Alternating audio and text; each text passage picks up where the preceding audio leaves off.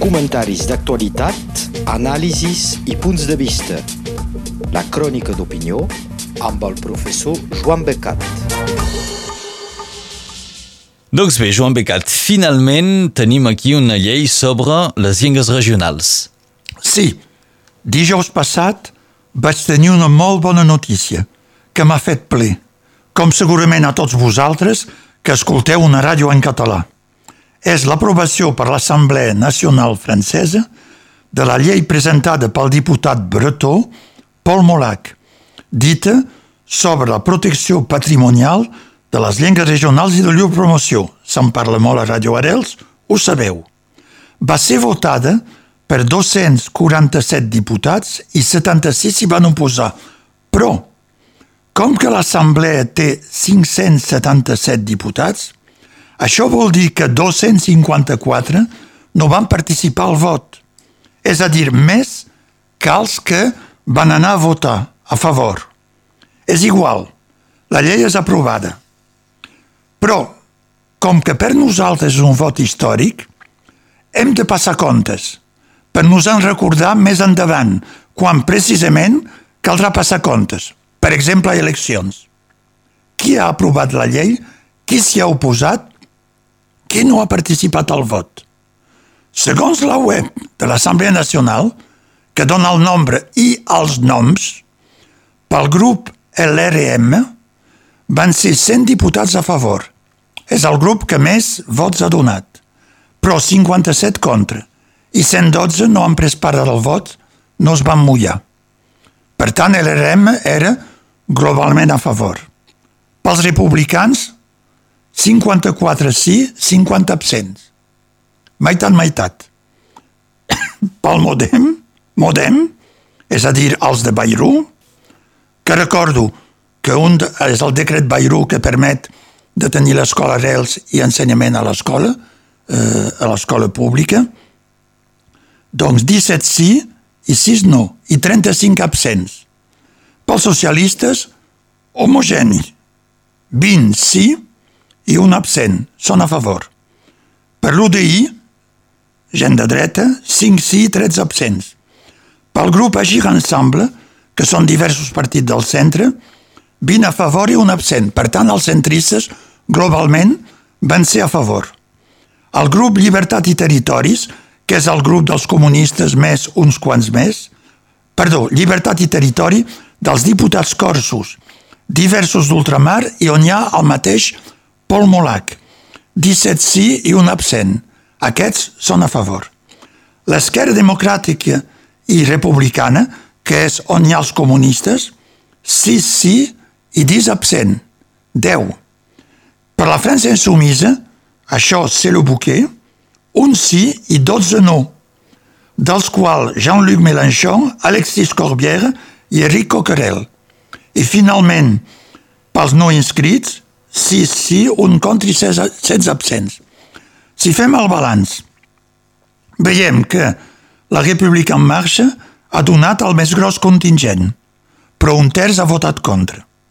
Són mig partits els republicans, els Modem i l'esquerra republicana i són totalment a favor els socialistes, Agir i Llibertats i Territoris. I finalment un es destaca perquè són totalment en contra les llengües regionals és la França insumisa. Ho sobratlli i ho dic pesadament, perquè és un escàndol. Si esteu de Catalunya Nord i voteu per aquesta gent, són contra per moltes coses, que podem ser d'acord, però són contra les llengües regionals, monolíticament. Això dit, a casa nostra. Doncs, els tres diputats LRM, Romain Grau, Laurence Gaité i Sebastián Casanova han votat a favor. Gràcies. Menys mal. I la diputada del Rassemblement Nacional, Catherine Pujol, que ha substituït Louis Allió, no s'ha mullat, no ha participat al vot. Però tampoc no ha votat contra.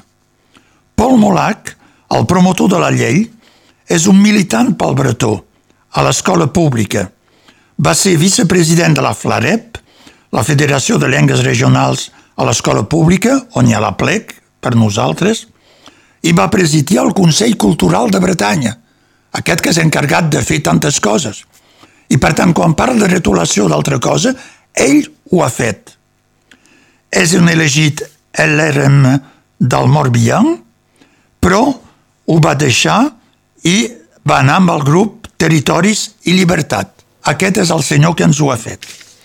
Joan Becat, per què consideres que és un gran pas endavant? Aleshores, deixant de banda per ara els elements concrets que té la llei, eh, malgrat algunes mancances, és un gran pas per unes raons principals, eh, més enllà, doncs, dels detalls importants per a nosaltres que permet. Per jo, la més gran avançada és que dona un marc jurídic i legalitza tot el que se tolerava aquí o allà o que se prohibia allà o aquí. Eh?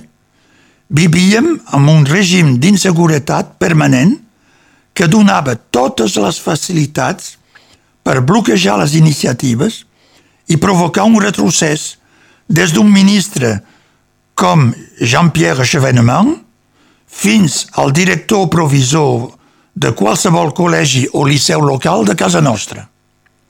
D'ara endavant, els promotors del català i els pares d'alumnes tindran una llei a oposar a qui fa una guerra de trinxeres contra el català i les altres llengües regionals. És a dir, el dret s'ha capgirat. I això per mi és el més important, que es retoqui la llei o no. Ara tenim la llei, la llei a la nostra esquena i podrà tirar endavant. Com ha dit Paul Molac a un interviu que vaig sentir, la llei és pensada perquè no se pugui mai més oposar-se a l'ús de les llengües regionals. Ho puc repetir, la llei és pensada perquè no es pugui més oposar-se a l'ús de les llengües regionals. És aquest, per jo, el gran pas endavant. Des de dijous tenim la base jurídica que ens faltava i que tots hem militat tota la vida per tenir-la, doncs la tenim. Una altra gran avançada és el reconeixement de drets lingüístics territorials i col·lectius. No se n'ha parlat, però això és importantíssim. Fins ara, aquests drets col·lectius o territorials eren negats per l'estat francès i els seus juristes. És una constant. Només França reconeixia els drets individuals. Alguns eren garantits, dret de vot, de paraula, però altres eren considerats com a privats, com la religió o la llengua. La llei Molac és un escletx considerable dins aquesta doctrina oficial, car fer patrimoni les llengües regionals és els reconèixer un territori. A més, se parla de les regions. I a través d'aquestes mesures concretes que hi ha, els en garanteix un ús social, és a dir, un ús col·lectiu, quan fins ara es parlava d'ús personal, individual, de les llengües. Cau, doncs, per exemple, el principal obstacle contra la ratificació de la Carta Europea de les llengües regionals i minoritàries del Consell d'Europa. França, que no ha firmat el dret dels infants eh, i textos de les Nacions Unides, o només en part, ara els podrà ratificar. França és un dels pocs estats que no reconeix això, quan l'any 2022 farà 30 anys de l'aprovació de la Carta Europea. Finalment, veig una tercera gran avançada. És, d'ara endavant, una clara diferenciació entre les llengües regionals i les llengües de la immigració. Jo no vaig contra les llengües, de, de, la llengua de la immigració. És a dir, entre les llengües vernacles territorials que fan part del patrimoni de França, i així ho diu clarament la llei, i les llengües d'altres llocs o països que han vingut a França amb la immigració dels seus locutors, però que a l'origen no eren de l'Estat. També són respectables i necessiten un suport, però des de la presidència de François Mitterrand, que va començar a reconèixer les llengües regionals, però que les va utilitzar les llengües de la immigració políticament per limitar i marginar les llengües regionals. En efecte, el president Mitterrand havia parlat de les llengües de França per captar el vot regionalista i va crear un Consell de les Llengües de França, que se va reunir només tres vegades en 14 anys, ep. I havia posat totes les llengües, les territorials, les no territorials, totes les de l'immigració, un poti-poti. Era negar el peix dins l'aigua. A les reunions, els representants de les llengües foranes de la immigració s'havien reunit i oposat per marginar amb el seu nombre les llengües regionals. Era, evidentment, l'objectiu, car només les llengües regionals podien reivindicar drets i ple reconeixement com a patrimoni, els altres no. I, per tant, eh, es veu que hi ha elements jurídics importants que ara trenquen una dinàmica. Estem parlant de la llei sobre les llengües regionals. Entrem un poc més en el text que podem destacar d'aquesta llei. Se n'ha parlat, però principalment destacaré les disposicions a benefici de l'ensenyament de les llengües regionals, doncs del català. Penseu que el primer text legislatiu i únic fins ara que permetia aquest ensenyament és la llei de Xona del 1951, o sigui fa 70 anys, i que mai va ser aplicada. 70 anys després, pot ser. Això vol dir que qui era nin o nina de la maternal o de l'escola primària l'any 51 i que podia esperar que se li ensenya la seva llengua de la casa. Quan llavors se castigava a l'escola qui la parlava, ep. Doncs aquest nin o nina de l'any 51 és avui dia un avi o una àvia que la podran finalment veure aplicada pels seus nets o besnets. Així funciona França. Es deixa morir. Se reconeix amb la llei Molac i se legalitza l'ensenyament immersiu a l'escola pública ja era hora. A França ho feia l'escola Arels, en el marc de l'educació nacional, però com a experiència pedagògica, és a dir, sempre amb limitacions pel seu creixement. Jo subratllaré, perquè m'he llegit la llei, l'article 3, que té una disposició interessant. El text diu, tradueixi al català perquè és en francès, el marc, en el marc d'acords entre regions i l'Estat, les regions, doncs, la llengua regional és ensenyada dins l'horari normal de les maternals fins al liceu amb l'objectiu de proposar aquest ensenyament a tots els alumnes. És dit. Per tant, queda clar. Perdoneu. Sí.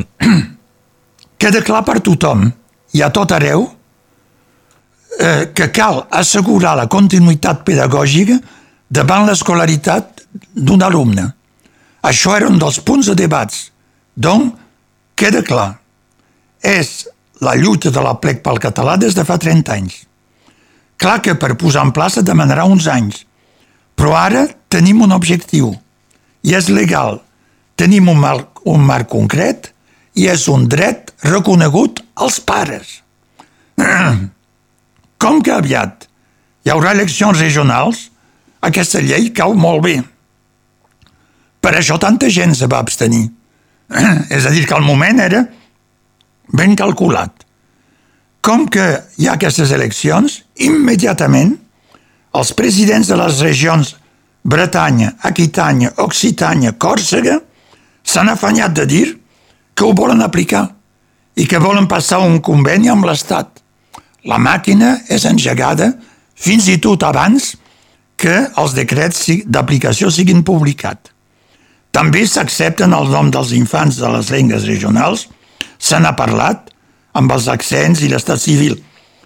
S'acceptava fins ara qualsevol nom estranger en qualsevol llengua i els noms més fantasiosos i se refusaven els noms locals en la llengua del país. Era una vergonya. Ara queda possible. Gràcies, senyor.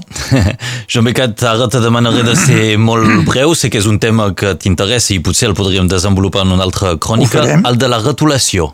Sí, perquè la llei Molac permet la retolació bilingüe dels edificis públics, però faré remarcar que és el que promociona el CIOCAT als seus ajuntaments i que ja havien començat diferents batlles de Catalunya Nord, posant mairie i ajuntament o casa de la vila. Es veu a molts llocs, però se podrà fer sistemàticament i a altres llocs.